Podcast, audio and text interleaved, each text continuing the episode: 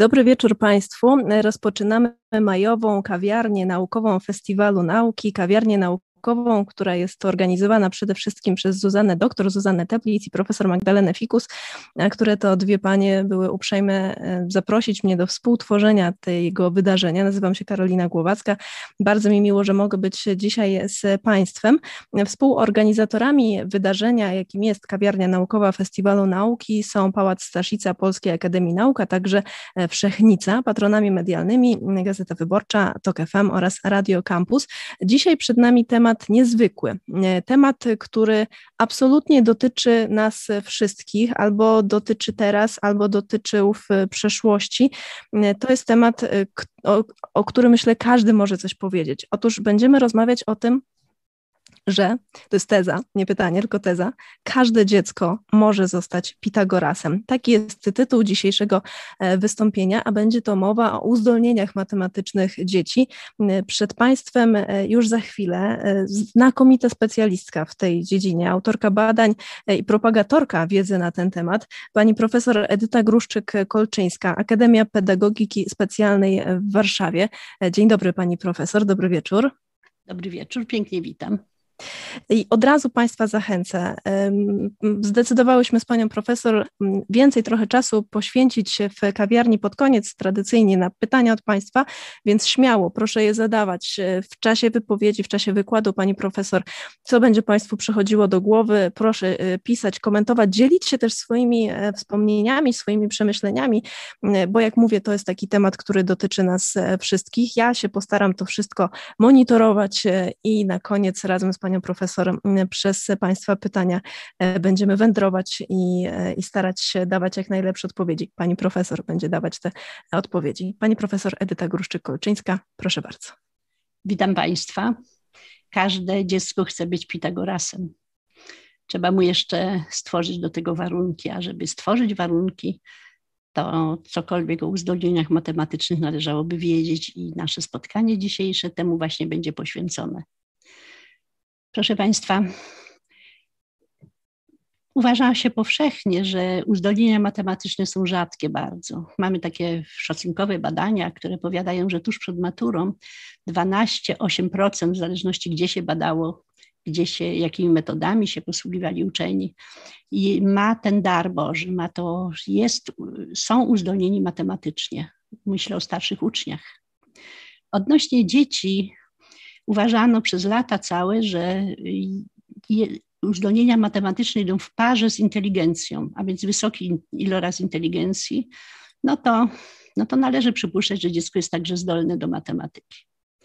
Ale proszę Państwa, z badań nad niepowodzeniami w nauce, nad losami dzieci, które sobie nie radzą w szkole, a takie badania prowadzę 40 lat już prawie i nie tylko ja, ale inni też, też je prowadzą. Powołam się za chwileczkę na osobę, która do podobnych wniosków doszła.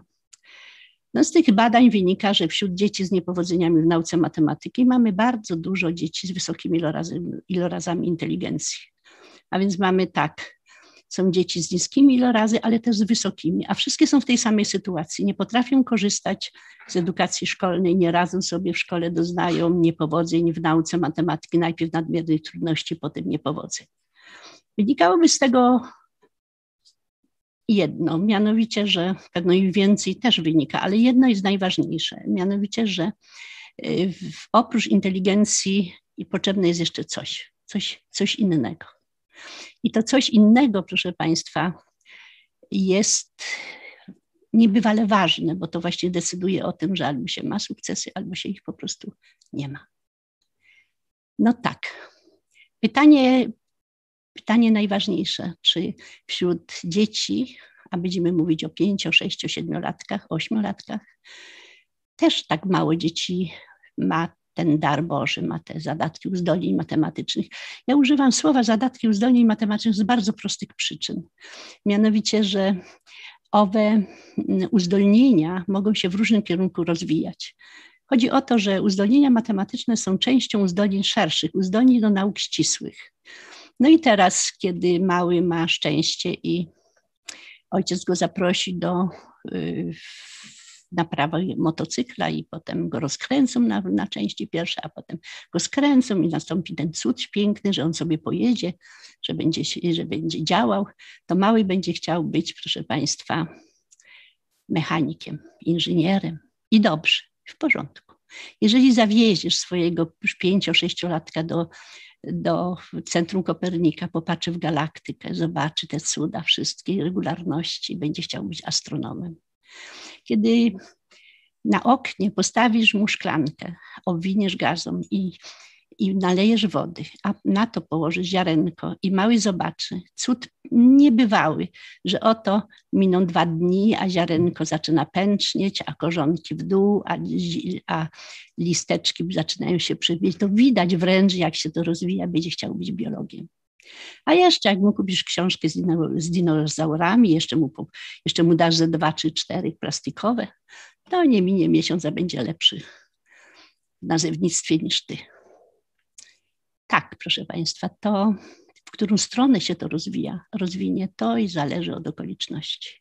Ale we wszystkich naukach ścisłych potrzebne są te same sprawności intelektualne, te same cechy umysłu, które nazywamy wskaźnikami uzdolnień matematycznych. No więc, proszę Państwa, jak to właściwie jest? Przeprowadziłam badania w Polsce. Właściwie to są jedyne badania w tej części świata, nie tylko w Polsce kiedy szukałam zadatków uzdolnień matematycznych u dzieci pięcio, sześcio, siedmioletnich. Dlaczego tak wcześnie? Ano proszę Państwa, no z teorii inteligencji, wielorakiej inteligencji wynika, że wysokie uzdolnienia matematyczne manifestują się bardzo wcześnie, właśnie w dzieciństwie, właśnie wtedy, kiedy dziecko jeszcze nie chodzi do szkoły. To raz. A druga y, sprawa ważna bardzo to, no tak, Byłem na stażu naukowym w Moskwie w czasach, kiedy szkoła matematyczna rosyjska była jedna z ważniejszych na świecie, bardziej, bardziej cenionych. I spotkałem się z profesorem Krucieckim. Kruciecki, miałem zaszczyt słuchać jego wykładów. Y, napisał niebywale piękną rozprawę o uzdolnieniach matematycznych starszych uczniów. Ona jest tłumaczona na dwadzieścia parę języków, na język polski nie ale mnie było dane być na, na wykładzie, posłuchać, a potem, no a potem pan profesor zechciał porozmawiać ze mną. Podarował mi zresztą książkę, tą swoją, której, która właściwie jest niedostępna. Ja myślę, że w Polsce jest parę egzemplarzy, w tym jeden u mnie. No i co? Rozmawiał, pytał, czym się zajmuje. Ja się wtedy zajmowałam niepowodzeniami i chciałam odpowiedzieć, czy te niepowodzenia wiążą się z inteligencją, czy to można łączyć razem. Czy jest związek pomiędzy nimi czy mnie fascynowała sprawa emocjonalnych blokad w uczeniu się matematyki bardziej niż, niż ilorazy. Okazało się, że jego zdanie jest dokładnie takie same, że on też prowadził badania nad niepowodzeniami w nauce i też zwrócił uwagę na sferę emocjonalną na to, że y, są pewne uwarunkowania, o których akurat dzisiaj nie będziemy mówić, które powodują, że pojawiają się blokady w uczeniu się matematyki, no i one powodują, że no, że jest źle, że, że jest źle, że dziecko nie wierzy we własne siły potem, że nie chce się uczyć, że nie chce tej dziedziny wiedzy. No tak to jest. No więc wracamy do tych uzdolnień. Profesor Kuciecki opracował model uzdolnień i ten model zresztą znany na całym świecie od 1968 roku, bo to wtedy było wszystkie badania takie poważniejsze, cytują, cytują ów model. W tym modelu y, ustalił, że uzdolnienia matematyczne manifestują się podczas rozwiązywania zadań, takich zadań szczególnie dobranych, trudnych zadań matematycznych. I opisał, jakie to są cechy umysłu. I ja go zapytałam, czy nie jest tak, że owe cechy umysłu mogą też występować u dzieci. Odpowiedział, tak, mogą.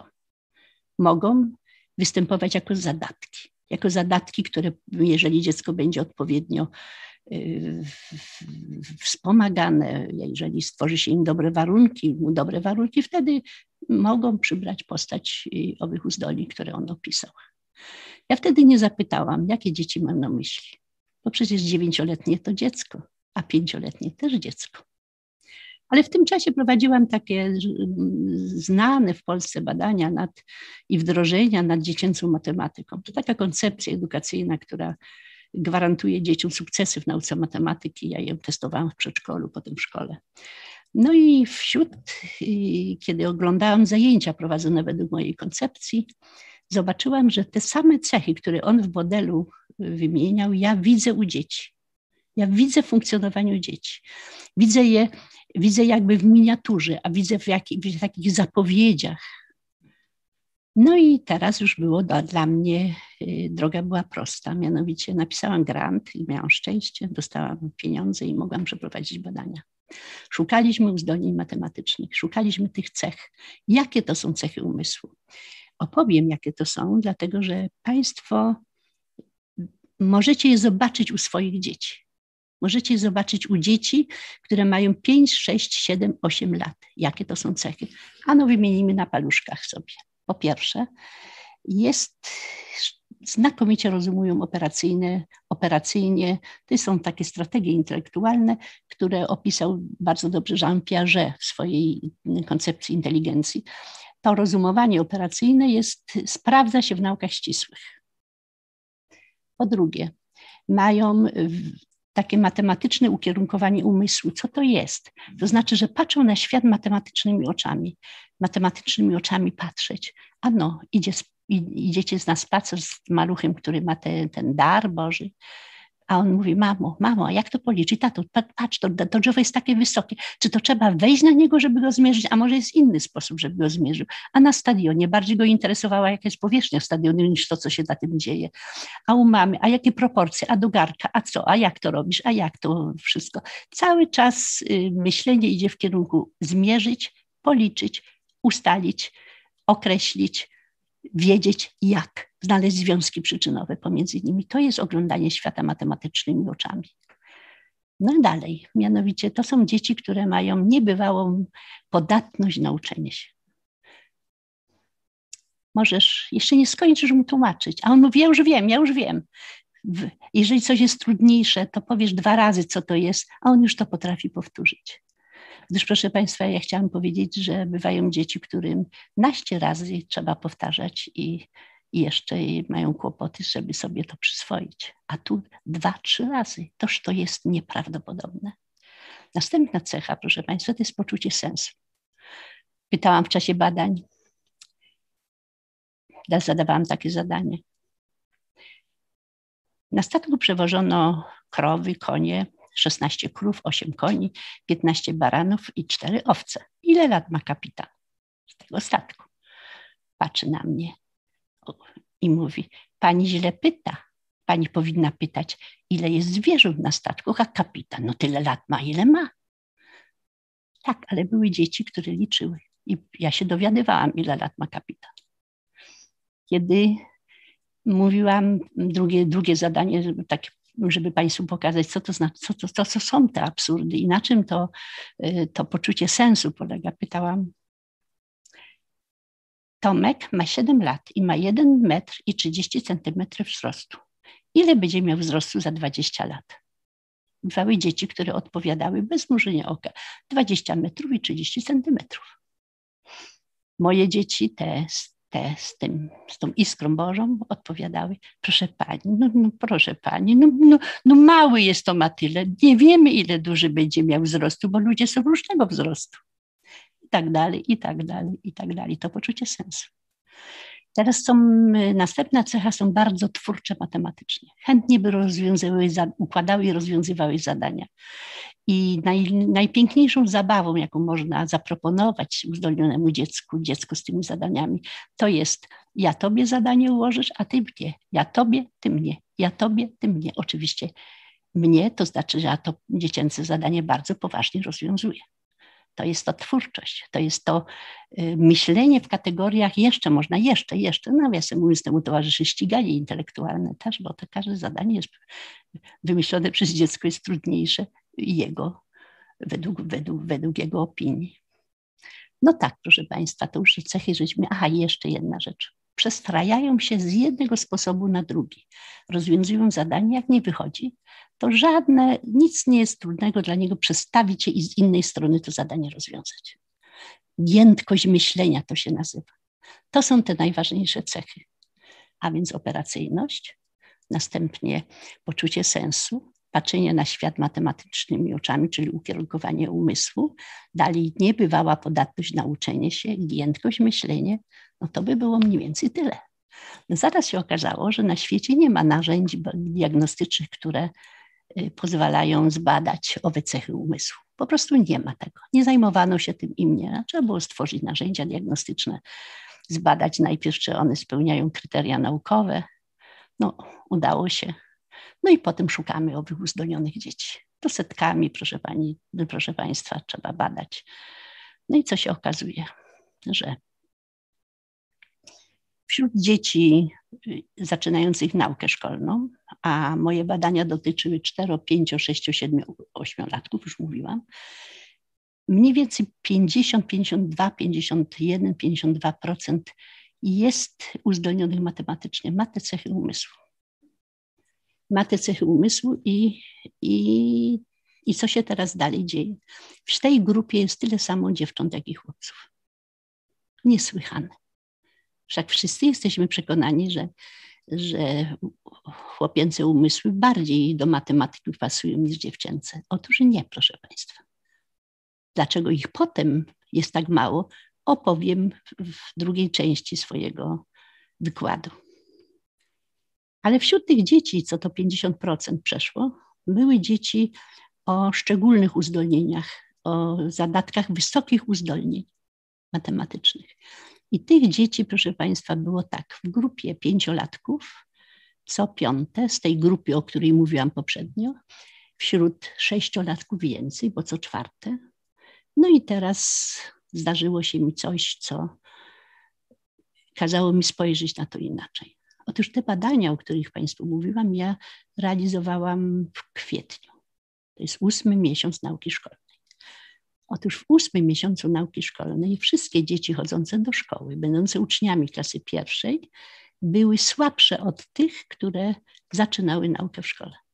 I to mniej odważne w, w myśleniu, dalej mniej twórcze, dalej nie śpieszące się, bez tego entuzjazmu do działalności matematycznej, tak jakby im szkoła zaszkodziła. proszę Państwa, ja jestem pedagogiem z krwi i kości i mnie przez klawiaturę komputerową nie przechodzi słowo, że szkoła może szkodzić dziecku. A jednak, a jednak, wobec tego zaczęłam hospitować zajęcia, oglądać zajęcia, patrzeć.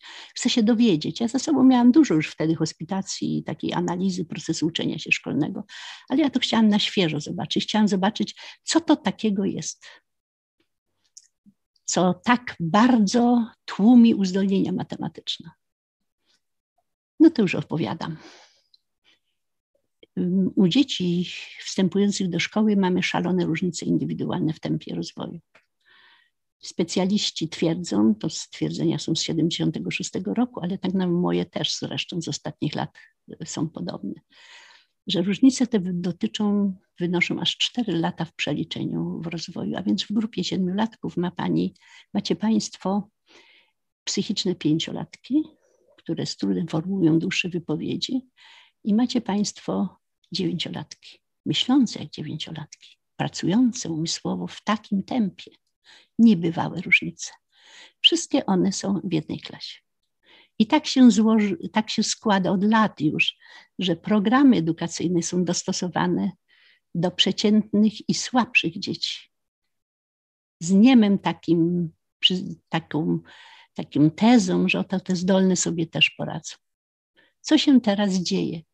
Mianowicie treści kształcenia są dostosowane do tych słabszych dzieci. Na przykład liczy się, dzieci uczą się liczyć do dziesięciu, do grudnia, ale one liczą do kilkuset. Nudzą się niepomiernie. Kiedy robi się monografię liczby dwa, daję taki przykład, no to zadanie dotyczy dodawania i odejmowania w zakresie dwóch. No ile tych zadań może być? Dwa odjąć jeden. Jeden dodać jeden jest dwa. I na to 20 minut. Toż to zwariować można. No to wy, wy, podnoszę łapkę. Ja, ja, ja, ja, ja. Chcę coś powiedzieć, chcę powiedzieć. Na to słyszy. Nie, inne dzieci też są. Nie możesz, Krzysiu, tylko ty. A co Krzyś chciał? Chciał być zauważony, chciał być doceniony, że on tyle umie. Jak robią liczbę 4, no to liczą tylko do 4. Jak liczą 5, to tylko do 5. W grudniu do 10.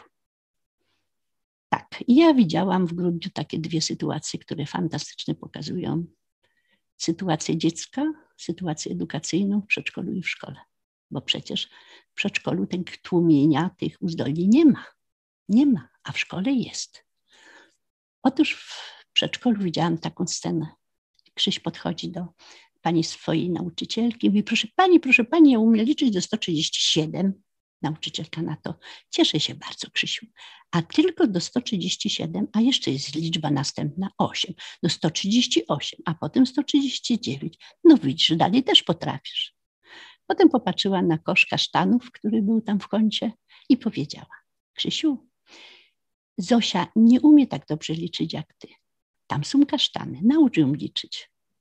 Proszę Państwa, ten cud pedagogiczny, który, o którym opowiadam, trwał wszystkiego dwie minuty, dwie i pół minuty, więcej nie. Co się zdarzyło? Otóż dziecko zostało pochwalone, docenione. Dziecku pokazywało się, że jest jeszcze droga rozwojowa przed nim daleka, że tych liczb jest jeszcze w nieskończoność, przecież liczb naturalnych. No i dalej pani mu powierzyła najpiękniejsze zadanie, jakie świat wymyślił dla człowieka. Naucz drugiego to, co sam potrafisz. No. A z badań wiemy, że dziecko dziecko potrafi nauczyć dużo wcześniej i dużo lepiej niż to robi dorosły. Jeżeli to potrafi mały nauczyciel małego ucznia. No, a nauczycielka ich miała do końca dnia z głowy, bo tych kasztanów trochę jednak było. Takie było moje szczęście, że widziałam podobną sytuację w szkole. Marcin do swojej nauczycielki, proszę pani, proszę pani, ja potrafię liczyć do 120, a chodziło o to, że liczę tylko do 10, on się pochwalić chciał, że tak daleko liczy. I usłyszał. Pięknie, że tak daleko umiesz liczyć. Cieszę się. Ale teraz liczymy do 10. Jak będziemy w drugiej klasie, będziesz liczył do 120 iluś. Ani dodać, ani odjąć. Nic. Proszę Państwa, zupełnie co innego tu tam wolność i, i podążanie za dzieckiem, a tu skrępowanie programami, które nie są najlepsze, podstawami, które są kiepskie dalej, mianowicie y, pakietami edukacyjnymi pełny, w których są błędy, a te dzieci uzdolnione mają przecież poczucie sensu. Proszę Pani, to jest głupie zadanie, mówią. No, która nauczycielka to wytrzyma? No proszę Państwa, która nauczycielka wy, wytrzyma wy, wyrywanie się do góry? Ja, ja, ja. Mówi, 7 dodać 3, ile jest? 10. Krzysiu, mówiłam ci tyle razy, inne dzieci też muszą. No proszę Państwa, no co się dziwić, że po 8 miesiącach takiego tłumienia, takiego ograniczenia i zakresu liczenia, i takich nieciekawych zadań, i takiej jakby, jako, jakby zaniżaniem w dół i w dół do przeciętności, no, że one już nie są takie, że nie są takie. Po prostu na początku nauki szkolnej, bo teraz te przyczyny chciałabym uzyskać. Dzieci są poddawane ostrej socjalizacji. Nauczycielka musi ze zbioru indywidualności zrobić zespół klasowy.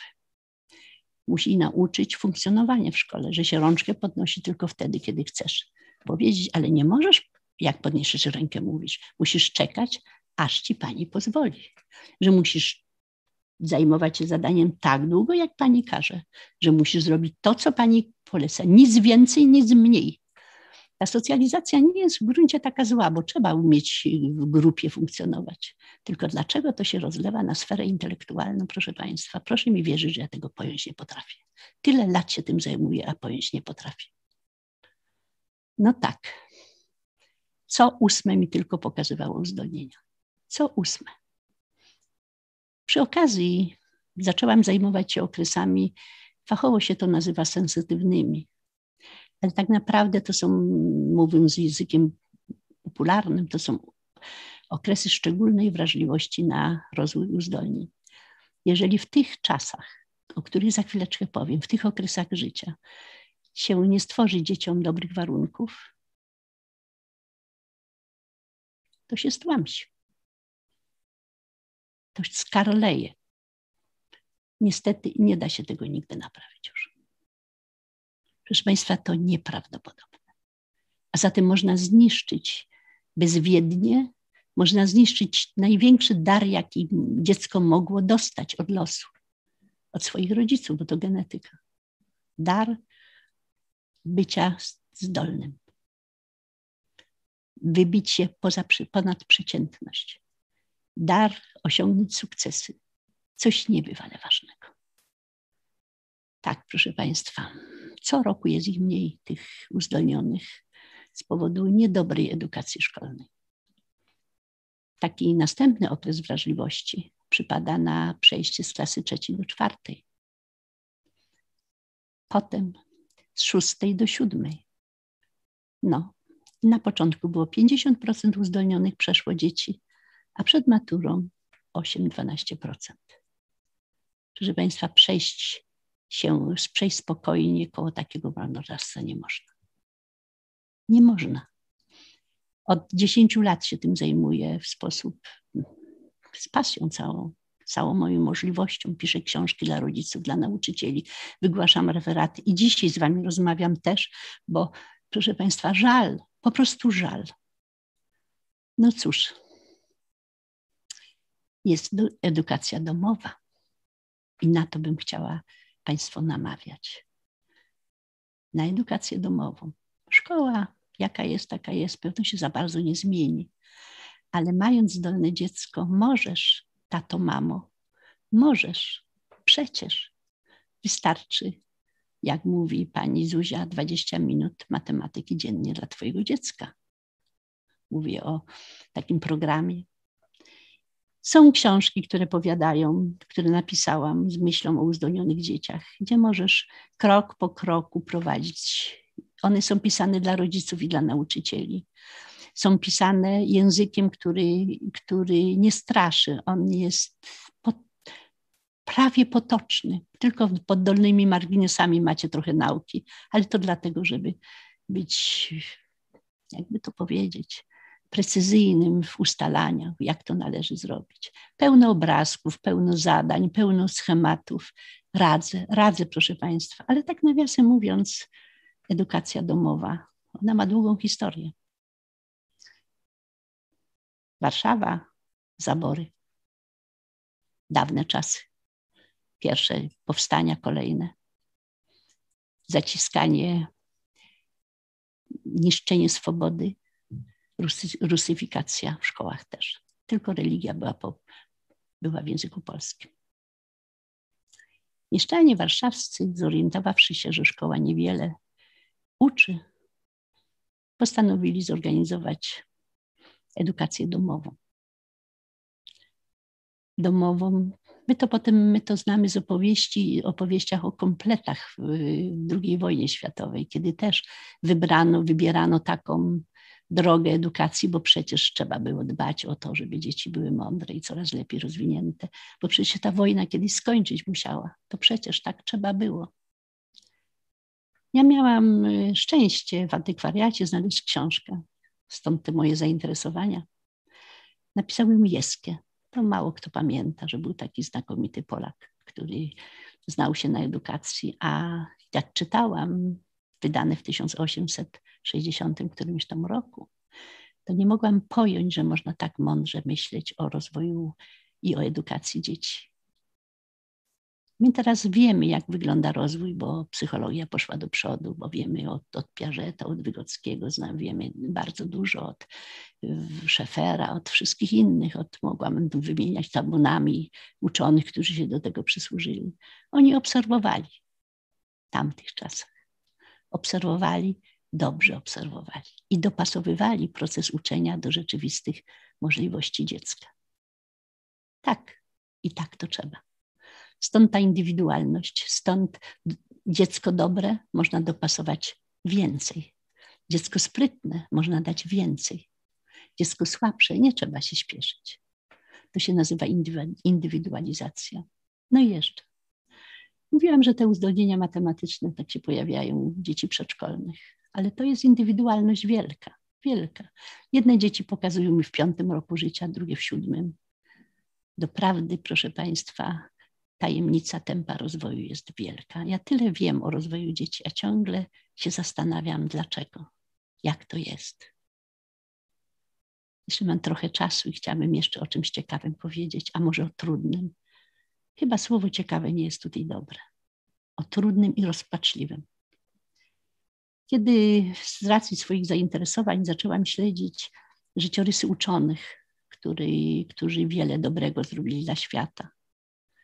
Z nauk ścisłych, bo to jest moja, przecież mój obszar poszukiwania.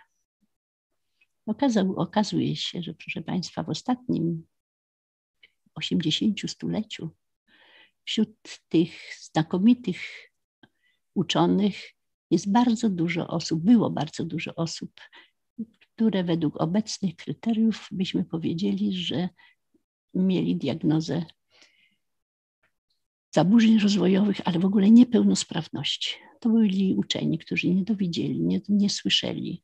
To byli uczeni dotknięci Aspergerem, dotknięci, dotknięci cechami autyzmu. To były, to były osoby z, z, z, z defektem poruszania się.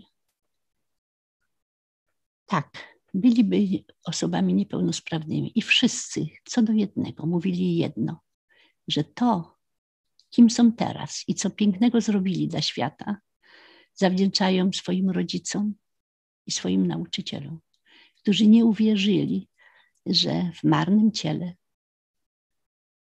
niesprawnym, niesłyszącym do końca, niewidzącym tak jak trzeba, są, jest kiepski umysł. Przeciwnie, widzieli piękne umysły, znakomite umysły.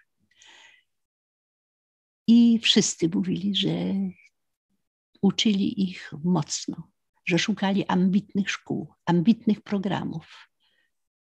I dzięki temu mogli dokonać to, co, co zrobili. Dzięki temu my mam, nam jest lepiej. Tak, zaczęłam się interesować, jak wygląda sprawa niepełnosprawnych dzieci z diagnozą niepełnosprawności. Przeraziłam się jakością kształcenia matematycznego postanowiłam z moją doktorantką, panią Krajewską, Zuzanną, postanowiliśmy skupić się na poszukaniu wśród dzieci z diagnozą niepełnosprawności dzieci z zadatkami uzdolnień matematycznych. Mamy metodę, bośmy ją stosowali u dzieci w szeroko pojętej normie. To już trochę rzeczy było rozwiązanych. Poszukaliśmy takie dzieci, które, ponieważ przy tym, przy tym rozwijaniu uzdolnień bardzo ważne jest środowisko społeczne, kontekst społeczny, który może sprzyjać bądź nie. No to wybraliśmy przedszkola integracyjne. Przedszkola integracyjne to dzieci uczą się i bawią wspólnie i te z diagnozą niepełnosprawności i dzieci zaliczane do szerokiej, do szerokiej, szeroko pojętej normy. Tak. Mają przykazane, że matematyka ma być realizowana tak jak w przedszkolach zwyczajnych. Mhm. Czyli warunki są te same. Co się okazało, proszę Państwa, że rozporządzenie rozporządzeniem, oczekiwanie oczekiwaniem, a życie życiem. Otóż w tych placówkach integracyjnych, przedszkolnych jest kult rehabilitacji.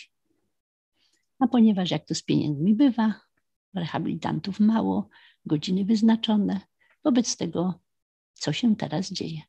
Jeżeli rehabilitant Tant ma czas od dziewiątej, a wtedy wypada edukacja matematyczna, to dziecko niepełnosprawne jest zabierane z tamtych zajęć i prowadzone na rehabilitację ruchową, czy jakąś tam inną. No tak, jeżeli to wypada w każdy czwartek,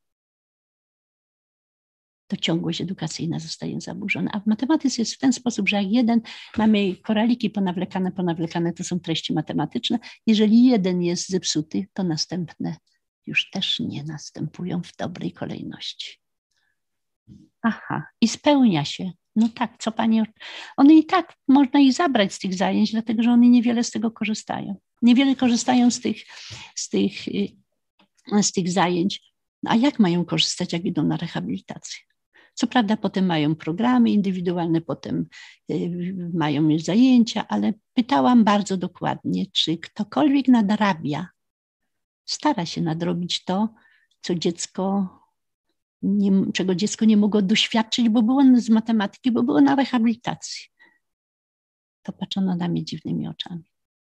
I mimo, proszę Państwa, tego tak, takiego sposobu uczenia, to okazało się, że co trzecie dziecko, co trzecie dziecko z diagnozą niepełnosprawności, za chwileczkę powiem z jaką diagnozą, y, wykazuje się sprawnością intelektualną, równą dzieciom, które, o których mówiłam na początku.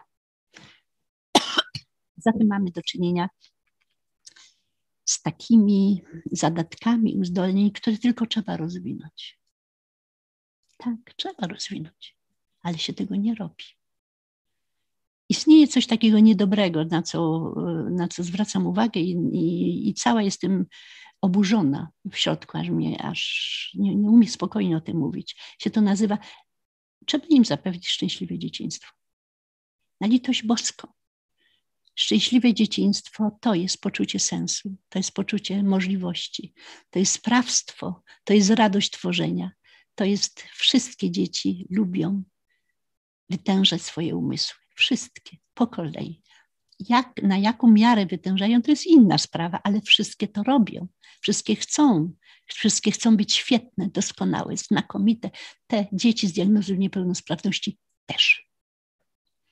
Wobec tego szczęśliwe dzieciństwo nie polega na rozleniwieniu umysłów. Na litość boską liczyć do dziesięciu, no przecież chwilę, jak ja znam dokładnie podstawy kształtowania się pojęć matematycznych, wiem, że proszę Państwa, że to trzylatki, czterolatki, ale nie siedzą o ośmiolatki, no chwileczkę. No jakże? No tak. No tak. Jakie dzieci żeśmy badali? No zaraz powiem. Badaliśmy dzieci które nie dowidziały. Badałyśmy dzieci, które nie dosłyszały. Badałyśmy dzieci z, z zaburzeniami aparatu ruchowego, z porażeniem mózgowym też, z, z porażeniem mózgowym też. Badaliśmy dzieci z cechami Aspergera i z, i, i, i, i z cechami autyzmu i proszę Państwa, różnica tylko polega na tym, że oni nieco inaczej owe możliwości manifestują. Ale trzeba to umieć dość, dostrzec. Dostrzec to trzeba. Trzeba to umieć dostrzec, a potem pracować z dzieckiem na miarę jego możliwości. No tak. No i teraz popatrzcie. Szkoły są jakie są, ambicje są jakie są. Rodziców, którzy tych zdolności nie widzą. O, nie, widzą zdolności artystyczne. O, jakie piękne są konkursy w kraju. Mianowicie na malowanie, na śpiewanie, a proszę Państwa, na rynku w Krakowie, co Anna, Anna Dymna, co robi z, pięknego, i koncerty, i takie, i muzyka, tak, tak, artystyczne, tak, ale proszę Państwa, to nie koniec tych uzdolnień, są jeszcze uzdolnienia do nauk ścisłych. Dlaczego, te, dlaczego, dlaczego, dlaczego nie uważa się, że te dzieci nie mogą mieć takich uzdolnień, jak tyle uczonych y, z diagnozą niepełnosprawności wedle ostatnich kryteriów zrobiło takie rzeczy? Wspaniałe, ja mówiłam o matematykach wtedy, fizykach, astronomach. No przecież. Tak, ale do tego musi być środowisko. I do tego środowisko edukacyjne. No tak. Pytacie pewno, czy to jest możliwe, żeby stworzyć środowisko edukacyjne? Oczywiście, że jest. My to nazywamy Wyspami Szczęśliwości Pedagogicznej. Wyspy Szczęśliwości organizujemy w szkołach wiejskich, miejskich. Zorganizowałam, pomogłam organizować taką szkołę. Nazywa się Morska Kraina w Kołobrzegu. Daleko to mam, ale cóż, trzeba było jeździć tam z Warszawy trochę, trochę daleko dalej, mianowicie tu pod Warszawą, taką przepiękną szkołę Eurekę też próbowałam budować, cudowną szkołę. Teraz niedaleko Kielc jest taka wioska, gdzie cała szkoła pracuje według, według naszych y, takich pomysłów, może inaczej sprawdzonych, bo to już nie pomysły. A teraz ostatnio, proszę Państwa, uczestniczę w takim projekcie, prowadzę ten projekt w Nowym Sączu, też blisko raczej mam. Nowego Sącza się dosyć długo jedzie. Otóż w Nowym Sączu jest fabryka Newak. To produkują pojazdy szynowe. Dobrze im się wiedzie, nawet w tych ciężkich pandemicznych czasach. Prezes tego, tej fabryki postanowił miastu coś podarować, a ponieważ jest ze świata techniki, to postanowił matematyczną edukację poprawić. Doszedł do wniosku, że w tak dużym mieście musi być trochę uzdolnionych dzieci. Tak się zdarzyło, że trafili do mnie. Nie było to trudne, dlatego że każdy, kto się chce tym interesować, to wie, że konkurencji raczej nie ma. Raczej jestem jedyna i mój zespół, więc zwrócili się do mnie. I proszę Państwa, najpierw wielkie zebranie, bo ja chciałam dowiedzieć się, czy społeczność Nowego Sącza chce tego, chce lepszej edukacji. Wiedziałam, że chcą, ale, ale ja, ja czekałam, aż to powiedzą. No więc wielka konferencja. Decyzja, tak robimy. Dobrze. No i robimy, proszę Państwa. Robimy już to drugi rok. Budujemy y, w szkołach innowacyjne takie zespoły. To się nazywa Nowosądecki Projekt Edukacyjny. I mamy nadzieję, proszę Państwa, że to nam pozwoli odpowiedzieć, odpowiedzieć na pytanie, jak się rozwijają uzdolnienia matematyczne u dzieci. Jak to jest? Czy one się rozwijają liniowo? Czy może są takie, taki czas, kiedy, kiedy zatrzymuje się rozwój, co nazywamy to plato, i potem znowu idzie do góry? Właściwie jak je wspierać, jak je wspomagać? No pełno tych pytań, bardzo ważnych pytań. No tak, na to szukamy odpowiedzi. No mam nadzieję, że los mi pozwoli jeszcze ten, te problemy też rozwiązać. A potem może się tak zdarzyć, że będzie taka piękna audycja jak dzisiejsza, spotkanie i że ja Wam to wszystko będę mogła opowiedzieć. No i to tyle. Minął czas.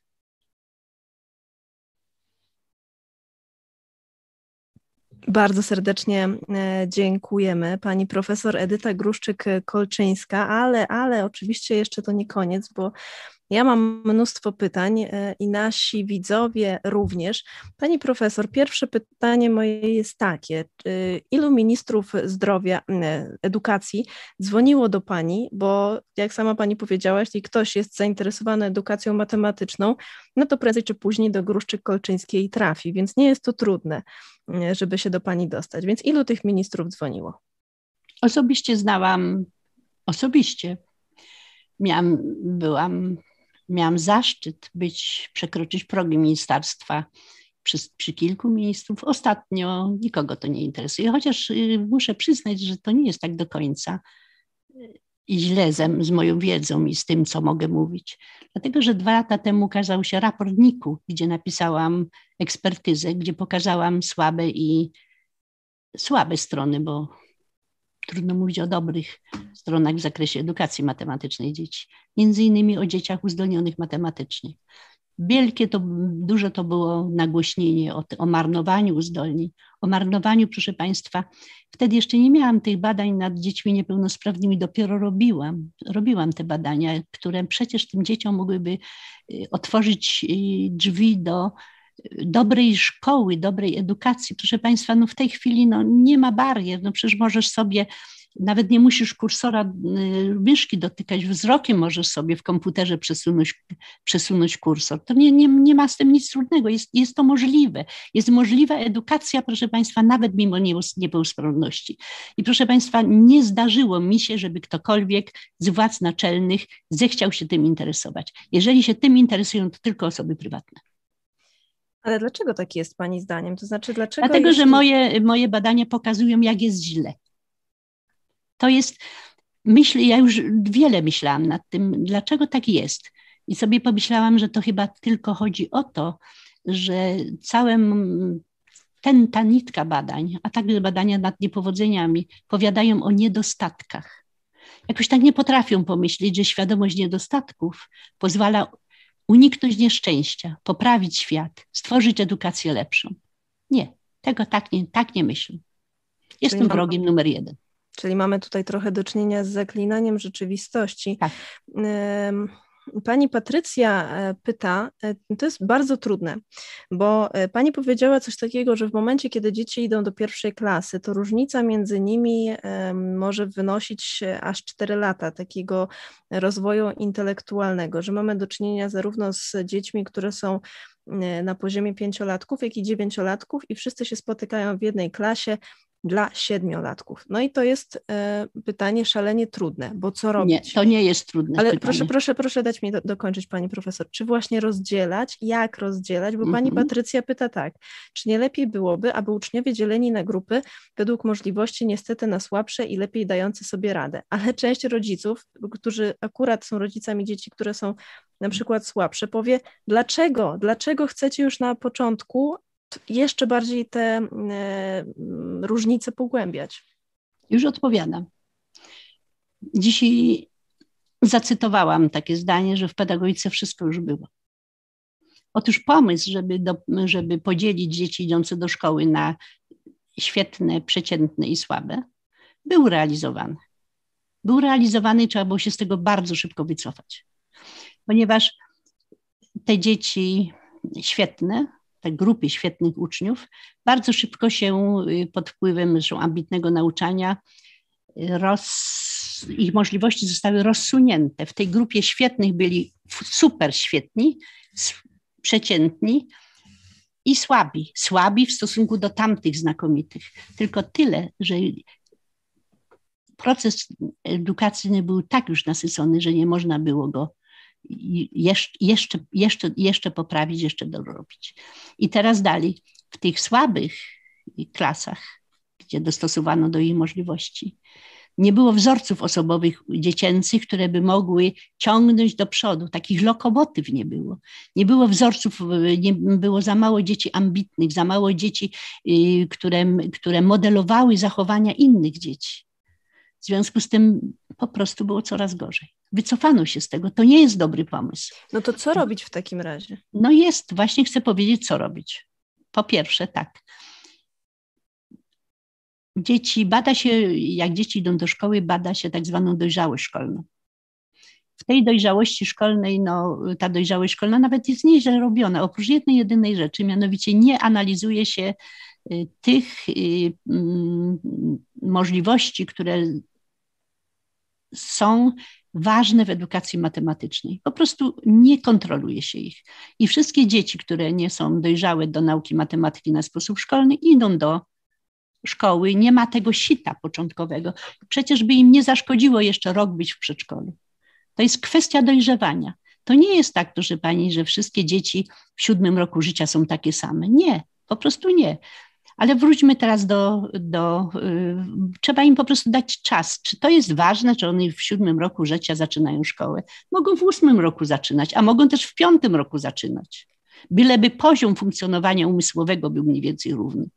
To, to przyzwyczailiśmy się, że że wszystkie dzieci w siódmym roku życia idą do szkoły. Proszę Państwa, no nie, no tempo, rozwój toczy się właśnie inaczej, po prostu inaczej, według innego tempa.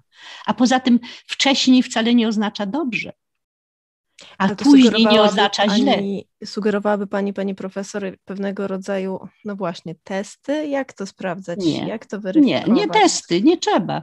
Przecież, proszę Państwa, kiedy się obserwuje dziecko w ciągu roku w przedszkolu, to się doskonale wie, jak się rozwarstwia grupa. To jest, mądre nauczycielki to potrafią zrobić.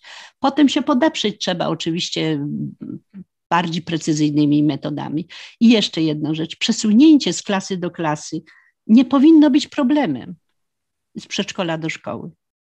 I odwrotnie. To nie powinno być problemem. Po prostu tak się rozwija człowiek w ale różnym tempie i w różnym. Decydować, bo to jest, przepraszam, tak pani przerywam, pani profesor, ale to jest taki temat szalenie emocjonalny i bo y, tak, tak mi się wydaje, że jeśli się mylę, to proszę komentować, tak. Szanowni Państwo, że, że prowadząca się myli. Wydaje mi się, że część rodziców na takie hasło, y, komunikat, że ich dziecko na przykład jeszcze nie powinno iść do szkoły, nie dlatego, że jest gorsze, tylko dlatego, że po prostu troszeczkę wolniej się rozwija, będzie miało poczucie jakiejś porażki, że mogą jednak pchać to dziecko szybciej do szkoły, no bo Jasne. jak to tak ma być, skoro Zuzia z tego samego rocznika, sąsiadka już tam jest. Więc to, co pani proponuje, to jest w zasadzie przewartościowanie Bardzo głębokie, bardzo tak? głębokie. Proszę Pani, ja się zajmuję 40 lat dziećmi, którym, które się różnie rozwijają, wolniej, szybciej, różnie. I tyle razy proszę rodziców, dajcie mu, nie śpieszcie się, dajcie mu jeszcze rok, żeby dojrzał, żeby on dojrzeje, zobaczycie, to się stanie i daję, daję im przykłady, jakie zrobił postępy w tym czasie, trzeba tylko dalej i dalej. To mi mówią, a co powie sąsiadka z podczwórki? Albo co powie ciocia, ciocia tam z Gliwic, czy tam z innego Piotrkowa Trybunalskiego, przyjedzie głupie dziecko masz, bo nie idzie do szkoły, jak ma 7 lat. No co ja na to poradzę? Po prostu, po prostu ta metryka jest rzeczą, jest rzeczą nieprawdopodobną. Nieprawdopodobną. Jest, jest to, y, chcę, żeby to było przewartościowane, chcę dla dobra dzieci, dla myślenia o rozwoju, o, o edukacji, bo o mądrym myśleniu, o tym, żeby, żeby każdemu na miarę swoich możliwości, no brzmi to jak slogan, ale tak ma być na tym świecie.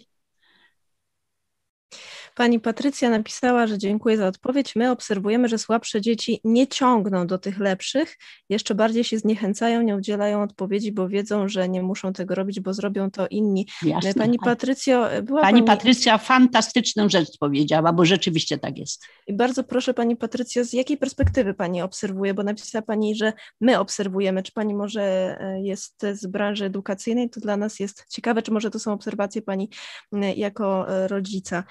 Pani profesor, to jest bardzo zwróciło moją uwagę to, co Pani powiedziała, że dzieci uczą się nawzajem bardzo dobrze. Z czego to wynika, jak można z tego skorzystać dla dobra tych młodych umysłów? Och, o tym wiedzą wszyscy rodzice, którzy mają, e, e, gdzie dzieci mają kilkoro dzieci. Doskonale wiedzą o tym, że to młodsze korzysta z, ze starszych całymi, całymi garściami bierze, bierze wiedzy, ono jest po prostu uprzywilejowane, to prawda. Jak to, jak to, jak to robić naukowo? Pewno to Panią interesuje, tak? Tak, zawsze. Otóż, proszę Państwa, dotykamy tutaj jednej wielkiej tajemnicy, mianowicie tak naprawdę jak dzieci myślą. Jak one myślą, jak spostrzegają świat, jak sobie radzą z wiedzą. No i przecież każdy z nas był, był dzieckiem. Każdziutki, każdy miał 7 lat, 8 lat, 9, teraz ma 40, 50, 80, ile tam ma. A przecież jak przyjdzie nam wyobrazić sobie, jak dziecko myśli, to to jest prawie niemożliwe. Prawie niemożliwe, naukowo też niemożliwe. Introspekcja nic tutaj nie pomaga, nic, czyli ten wgląd do siebie, w swój umysł. My to robimy, ja to robię w każdym razie. Mówię my, no mój zespół, ja. Robimy to metodą z angielska zwaną tutoringiem rówieśniczym. A y, po polsku to jest uczył Marcin Marcina. Tak to porzekadło takie jest. Po prostu organizujemy sytuację zadaniową, ładną, gdzie dziecko silniejsze intelektualnie, trochę starsze, najlepiej, chce nauczyć tego, co umie, najlepiej, dziecko młodsze. No oczywiście rozwiązywania zadań, bo tym się akurat zajmuje. I wtedy patrzymy, jak on prowadzi po ścieżkach swojego myślenia młodsze dziecko. Proszę Państwa, to dopiero jest pokaz i na czym ten rozwój polega. I tam dopiero, dopiero wtedy można zrozumieć, jak się przygląda człowiek z boku, jak analizuje, jak, jak, jak dziecko dziecko uczy. Proszę Państwa, co za cierpliwość, jakie wspomaganie emocjonalne, jaka, jaka bym powiedziała, taka tolerancja dalej, mianowicie nie, nie mowa, a wszystko na gestach, wszystko na ruchach, wszystko na przedmiotach pokazane. Tak jakby wiedział ten mały, że, jego, jego młodszy, młodszy kolega myśli rękami, głównie rękami, że to tak należy robić. Proszę Państwa, to są y, obserwacje, jak, jak dzieci uczą. Dzieci daje nam najpiękniejszą instrukcję, jak należy prowadzić dzieci, jak należy je uczyć. Tego, co przecież my dorośli też wiemy lepiej. Przypomniało mi się, e, to już byłam takim sporym dzieckiem, e, ale moja koleżanka z klasy nie bardzo rozumiała, jak to jest, że Ziemia się kręci, a nie wieje, no bo skoro się kręci, to powinno bardzo silnie e, wiać. E, I jakoś nie, nie wiem, dlaczego zwróciła się z tym do mnie. Akurat ja przyznaję, że zawsze byłam w tej grupie e, piątkowej, tak bym to ujęła. No i ja wtedy jej mówię, dziewczyno, słuchaj, bo ten wiatr, ta atmosfera, to wszystko, to też jest do tej ziemi przyklejone. Zobacz, podskocz, to ta ziemia cię przyciągnie. I pamiętam, że Gośka wtedy zrobiła takie hop, podskoczyła, zadziałało, z powrotem wylądowała na ziemi i wszystko stało się jasne. I teraz jak pani to mówi, to, to jest ciekawe, bo y, człowiek odkrywa samego siebie z tej młodości, że ja zrobiłam dokładnie to samo. Czyli to tak. było bardzo konkretne, realna sprawa, którą można było zweryfikować y, fizycznie na własnym ciele. Więc to jest, to jest ciekawe. Powiedziała to pani dziecięcym językiem, ale sedno było takie, jak trzeba to jest, to oczywiście nie, nie opowiadam tego dlatego, żeby powiedzieć, że ja jestem fajna, tylko tak mi się po prostu przypomniało, że to jednak działa właśnie takie te, te, te dziecięce e, czy młode umysłowe no tak, e, koncepcje. Jest tylko drobna sprawa, mianowicie tak. tego silnego też trzeba nauczyć. Absolutnie. E, to jest ważne pytanie. E, tutaj od e, pana Filipa się pojawia. Szkołę tworzą nauczyciele, którzy kończyli przecież wydziały pedagogiczne. Czy programy tych studiów nie zaznajamiają studentów z wiedzą wynikającą wynikającą z badań pani profesor, czy to tam leży problem, pyta e, Filip, a ja od razu dodam, bo widzę, że tutaj mamy też nauczycieli i nauczycielki wśród naszych widzów, e, którzy dostrzegają ten problem, o którym pani mówi, a mam wrażenie, że ma, mają państwo poczucie, że nie bardzo można coś z tym zrobić, więc trochę takie dwa pytania pani podrzucam. Jaka jest rola nauczycieli i jak oni są e, do tego przygotowani, do tego zadania? Może tak powiem. W mojej akademii z konieczności muszą się uczyć tego, co ja naukowo zrobiłam, udowodniłam przez te wszystkie lata, ale nawet nie muszą, oni to po prostu chcą. Chcą się tego nauczyć, to prawda. Yy, podręczniki, książki są dostępne. To jest wszystko prawda. Jeżeli, jeżeli pani, pan uczący w szkole chce uczyć inaczej, musi zorganizować innowację pedagogiczną. Innowacja pedagogiczna to jest taki, y, no musi napisać program, musi to opracować, musi być pewna świadomość pedagogiczna, do czego to dąży, do czego, do, co to ma być. No i potrzebna jest też pomoc z uczelni. Opieka musi być. To nie może być tak, że w wychowaniu i w nauczaniu szkolnym wszystko jest dozwolone. Nie, no, tam musi być porządek. Musi być porządek i ład. Ten ład w tej chwili jest w wielu miejscach wadliwy, może tak. W wielu miejscach jest niedobry, proszę Państwa. W wielu miejscach jest y, nie, nie jakby to powiedzieć, no niekorzystny dla nauczycieli, niekorzystny dla dzieci, dla rodziców też. Dużo tam jest nie i nie i nie. Natomiast można to zmienić, ale właśnie w taki sposób. Każdy sobie może nauczyć się zorganizować swoją wyspę szczęśliwości. Wystarczy tylko zrobić innowacje. Innowacje, program napisać, zapytać się. Proszę Państwa, konsultujemy to, pomagamy jak możemy. No, próbujemy w każdym razie. Mm, Rakiusz pod takim pseudonimem e, ukrywa się, może nie ukrywa się, podpisuje się e, uczeń, e, który nas ogląda, pozdrawiamy serdecznie, i napisał: Ja uczę się matematyki i powiem, że jest z nią problem, ciężko ją zrozumieć. To jest bardzo ciekawe. Proszę, tak. jeśli pan zechce, napisać, jaka klasa, w, w jakiej jest pan klasie i, i dlaczego to jest kłopot, i, i może kiedy ten kłopot się pojawił. To jest, myślę, bardzo interesujące. Chciałam panią zapytać o edukację domową domową, o której Pani wspomniała. Czy edukacja domowa Pani by proponowała w takim razie rezygnację ze szkoły nie, e, powszechnej, nie, czy nie, jako edukację domową mówi Pani e, warstwę uzupełniającą w domu? Edukacja domowa jest prowadzona w, dwóch, w, dwóch, w kilku modelach na świecie. Mianowicie jako domowe kształcenie i dzieci zdają egzaminy i mają certyfikaty potem szkolne, ale to ja bym, ja bym chciała inaczej. Ja rozmawiałam z dziećmi prowadzone, y, które miały edukację taką prywatną, domową. Rozmawiałam z rodzicami. Interesowałam się tym. Ja uważam, że edukacja domowa ma wspierać edukację szkolną.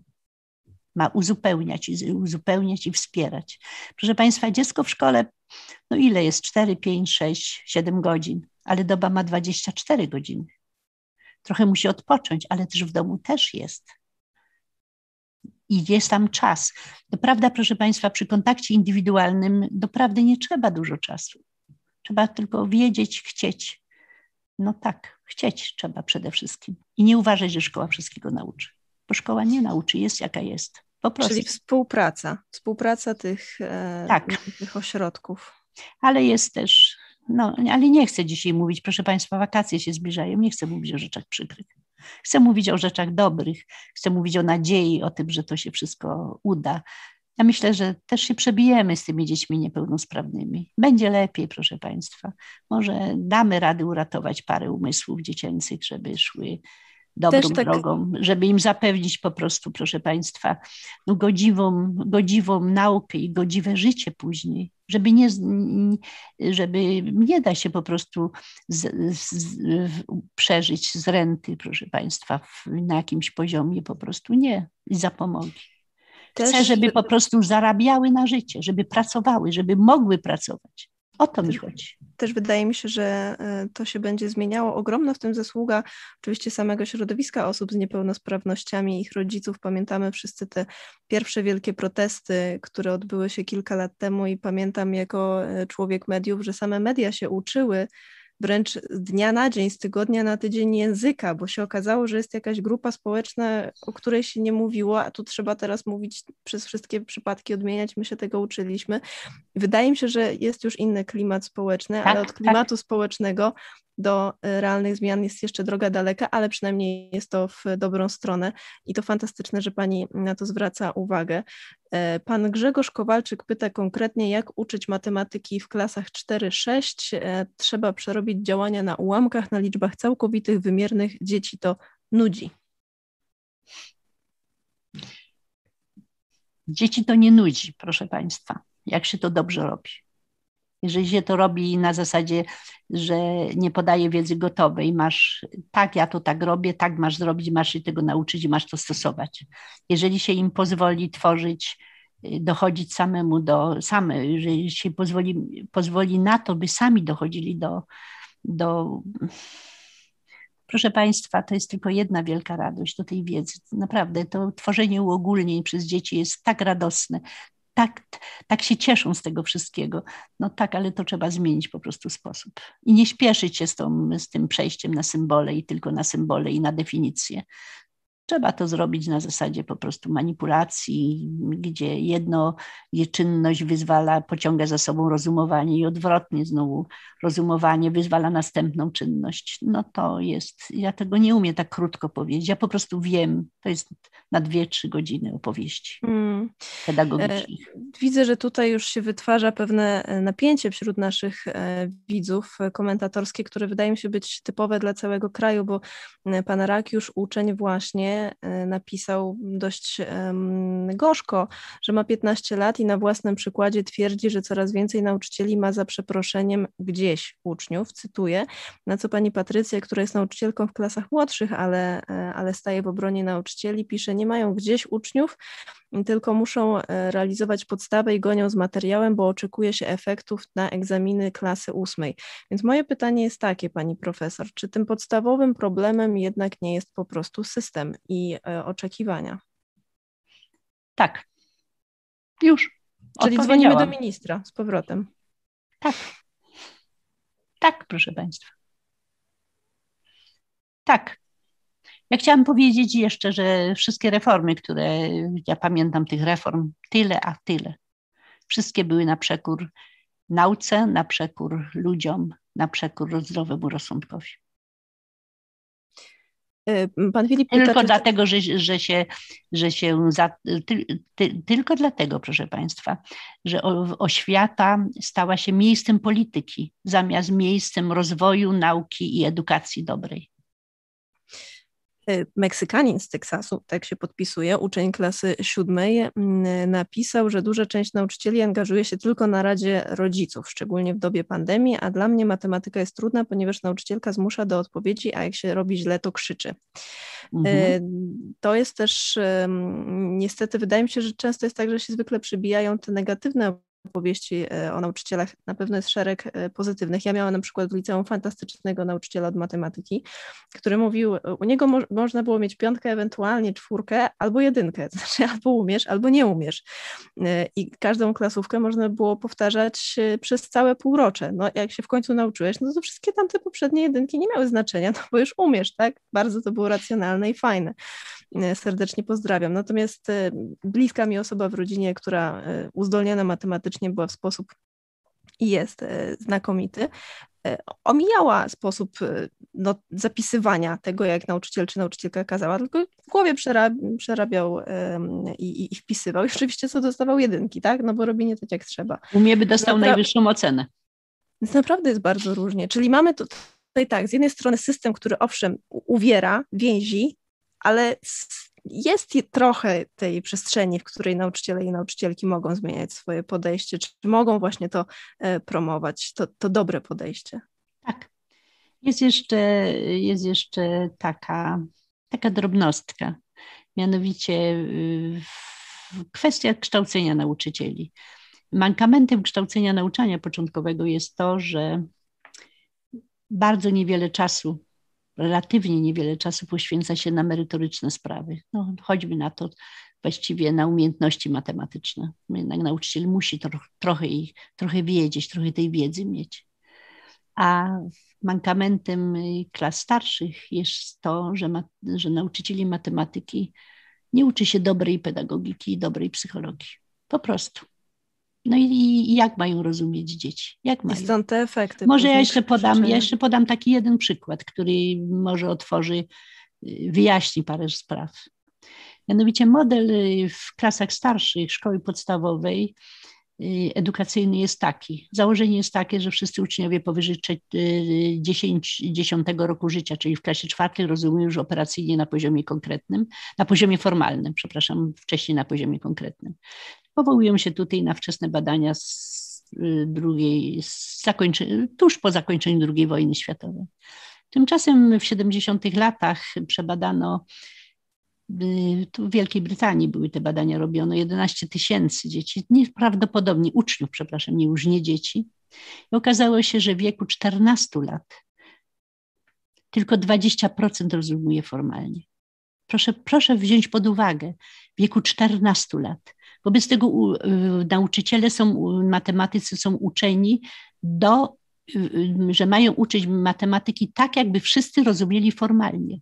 A przecież nie rozumują formalnie. Jak w 14 roku tylko, tylko 20%, no to już jest odpowiedź, jak mają pojąć. No to, no to co? No to jak nie, pojm, nie pojmują, to głupi, to niezdolny, to dlatego, że, że, że, że te, te zdolności są takie rzadkie. No, no, no już cały ten mechanizm żeśmy omówili. No jakie rzadkie? No i, no i jesteśmy. Ale proszę Państwa, nie rozwiążemy wszystkich problemów dzisiaj. Dzisiaj chciałabym, żebyście, jeżeli to jest możliwe, z tego mojego wykładu zapamiętali parę takich tez najważniejszych. Mianowicie po pierwsze, Dużo tych dzieci uzdolnionych jest matematycznie, bardzo dużo. I warto je pielęgnować. Warto je pielęgnować, bo za tym idzie przyszłość, za tym idzie dobra szkoła, za tym idą studia, za tym idzie dobre miejsce na świecie. Bo przecież pieniądze są tam, gdzie liczba i miara, nie gdzie humanistyka. Z przykrością to stwierdzam. I to pani mówi, przedstawicielka tak ja. humanistyki? No tak, to jest. Wiem, jakie mam konto. A mogę jeszcze parę pytań, bo tutaj jesteśmy zasypywane absolutnie. Mm, profesor Fikus e, pyta o to, e, zauważa, że są badania, które wskazują, że dzieci różnie się uczą w zależności od tego, czy są sowami, czy skowronkami. Kolejny problem systemu e, edukacji. To już ode mnie tak, dodam, tak, że tak. prawda, że jakby tak, ósma tak. rano to chyba nie jest najlepszy moment dla wielu dzieci na, na edukację. Może na no, Ale mm. jesteśmy znowu, znowu w tym samym podwórku, mianowicie Indywidualność się nie liczy. I już. Nauczyciele, e, którzy są z nami, się zgadzają z tym, że trzeba by szkołę sformatować na nowo. No nic, wysyłamy linka w takim razie do naszego spotkania do ministra Czarnka i też książki pani profesor e, wyślemy. Jest pytanie od e, pana Filipa, czy istnieją rozwiązania w innych krajach, które są modelowe? Czy wszystkie systemy edukacyjne są skażone takim właśnie ujednolicaniem i spłaszczaniem? Hmm. Zamilkłam, dlatego że na to pytanie nie da się odpowiedzieć krótko i jasno. To bardzo mądre było to, co pan, o co pan pyta, ale to jest, 20-30 minut mówienia, my musimy kończyć. Jasne, że są, proszę Państwa, w innych krajach rozwiązania inne. Może, może nad dziećmi uzdolnieniami się, uzdolnionymi dziećmi się nie zajmowali. Może tak, to tu jest, jesteśmy mm, dosyć, tak bym powiedziała, do przodu. Ale rozwiązali inne problemy bardzo fajne. Ale jeszcze, może dodam, znowu o tych dzieciach niepełnosprawnych. Przeczytałem ostatnio artykuł yy, opublikowany w Stanach Zjednoczonych. Autorzy przebada, przeanalizowali 360 czasopism pedagogicznych, które dotyczą dzieci niepełnosprawnych, młodzieży niepełnosprawnej i w ani jednym nie znaleźli wzmianki o uzdolnieniach matematycznych w tej grupie społecznej uczniów. Więc może tak nie jest źle znowu u nas, bo my już to wiemy, że są. Wszystko to jest szalenie przygnębiające, ale jak słusznie pani mówi, to, że to zostało zdefiniowane przez panią, pa, osoby, z którymi pani współpracowała, to jest jakiś punkt wyjścia, który może nam dawać nadzieję, prawda? I to jest tego, co pani mówi, jako rodzice i nauczyciele, y, oczywiście w tych miarach jakie, i tych warunkach, jakie mamy, czasowych i tak dalej, ale jednak mamy dużo do, y, do dyspozycji i sporo możemy zrobić, więc może zrobimy może... z tego przede wszystkim opowieść o nadziei właśnie chciałam tym, tym, to chciałam powiedzieć. Ja po prostu mam wielkie szczęście. Była taka pani, mówię była, bo już nie żyje, pani profesor Spionek, która zajmowała się niepowodzeniami szkolnymi i określiła, dlaczego te niepowodzenia są, nie w matematyce, tylko w innych zakresach. Opracowała, opracowała teorię, sprawdziła to. Zrobiła to w 1976 roku w 70 opublikowała wielką taką książkę. Po 15 latach weszło to do pedagogiki jako do kanonu kształcenia nauczycieli, te jej ustalenia. Panie, które są nauczycielkami, to uczyły się o, o, o Halinie Spionek i uczyli się, uczyły się y, jej, jej ustaleń. Pani profesor y, Spionek nie doczekała uznania takiego wielkiego. A ja mam szczęście być przed Wami, opowiadać o swoich badaniach naukowych, które zrobiłam kiedyś. I jeszcze mieć nadzieję, że Państwo zechcecie się tym zainteresować. To wielka rzecz. Po prostu w pedagogice, w edukacji zmiany idą bardzo wolno, bardzo wolno i to jest chyba i dobre, i niedobre. Mianowicie dobre, dlatego że wszystkie niedobre projekty naukowe nie przeżywają. Ale te dobre późno są wdrażane. No tak to jest. Sztuka Już to wielka. Obiecuję pani profesor, że ostatnie pytanie, ale zorientowałam się, że przegapiłam e, jedno od osoby kryjącej się pod groźnym mm, pseudonimem Smoczyca, więc wolałabym, żeby ta Smoczyca nie dopadła mnie gdzieś tam w ciemną nocą, że nie zadałam tego pytania, dwukrotnie powtórzone. E, chodzi o badania w szkołach Montessori. Czy to o, są... piękna rzecz. To co może Jestem... Pani powiedzieć o szkołach Montessori? Że śliczne, że pani Montessori, kiedy ona to stworzyła swoją koncepcję? Genialna pani, fantastyczne są osiągnięcia Montessori. Jest to droga koncepcja, trudna bardzo w realizacji, dobrze opatentowana, w związku z tym nie każdy to może realizować, ale ja jestem pełna zachwytu. A ja serdecznie Państwu polecam książki pani profesor Edyty Gruszczyk-Kolczyńskiej. Można również poszukać więcej materiałów e, na YouTubie, bo jest sporo wystąpień pani profesor, więc proszę czerpać z tego, co mm, z tej wiedzy, którą mamy dzięki pani profesor. E, serdecznie dziękuję za e, spotkanie pani profesor. Dziękuję za bardzo miły wieczór, że byliście łaskawi mnie posłuchać. No,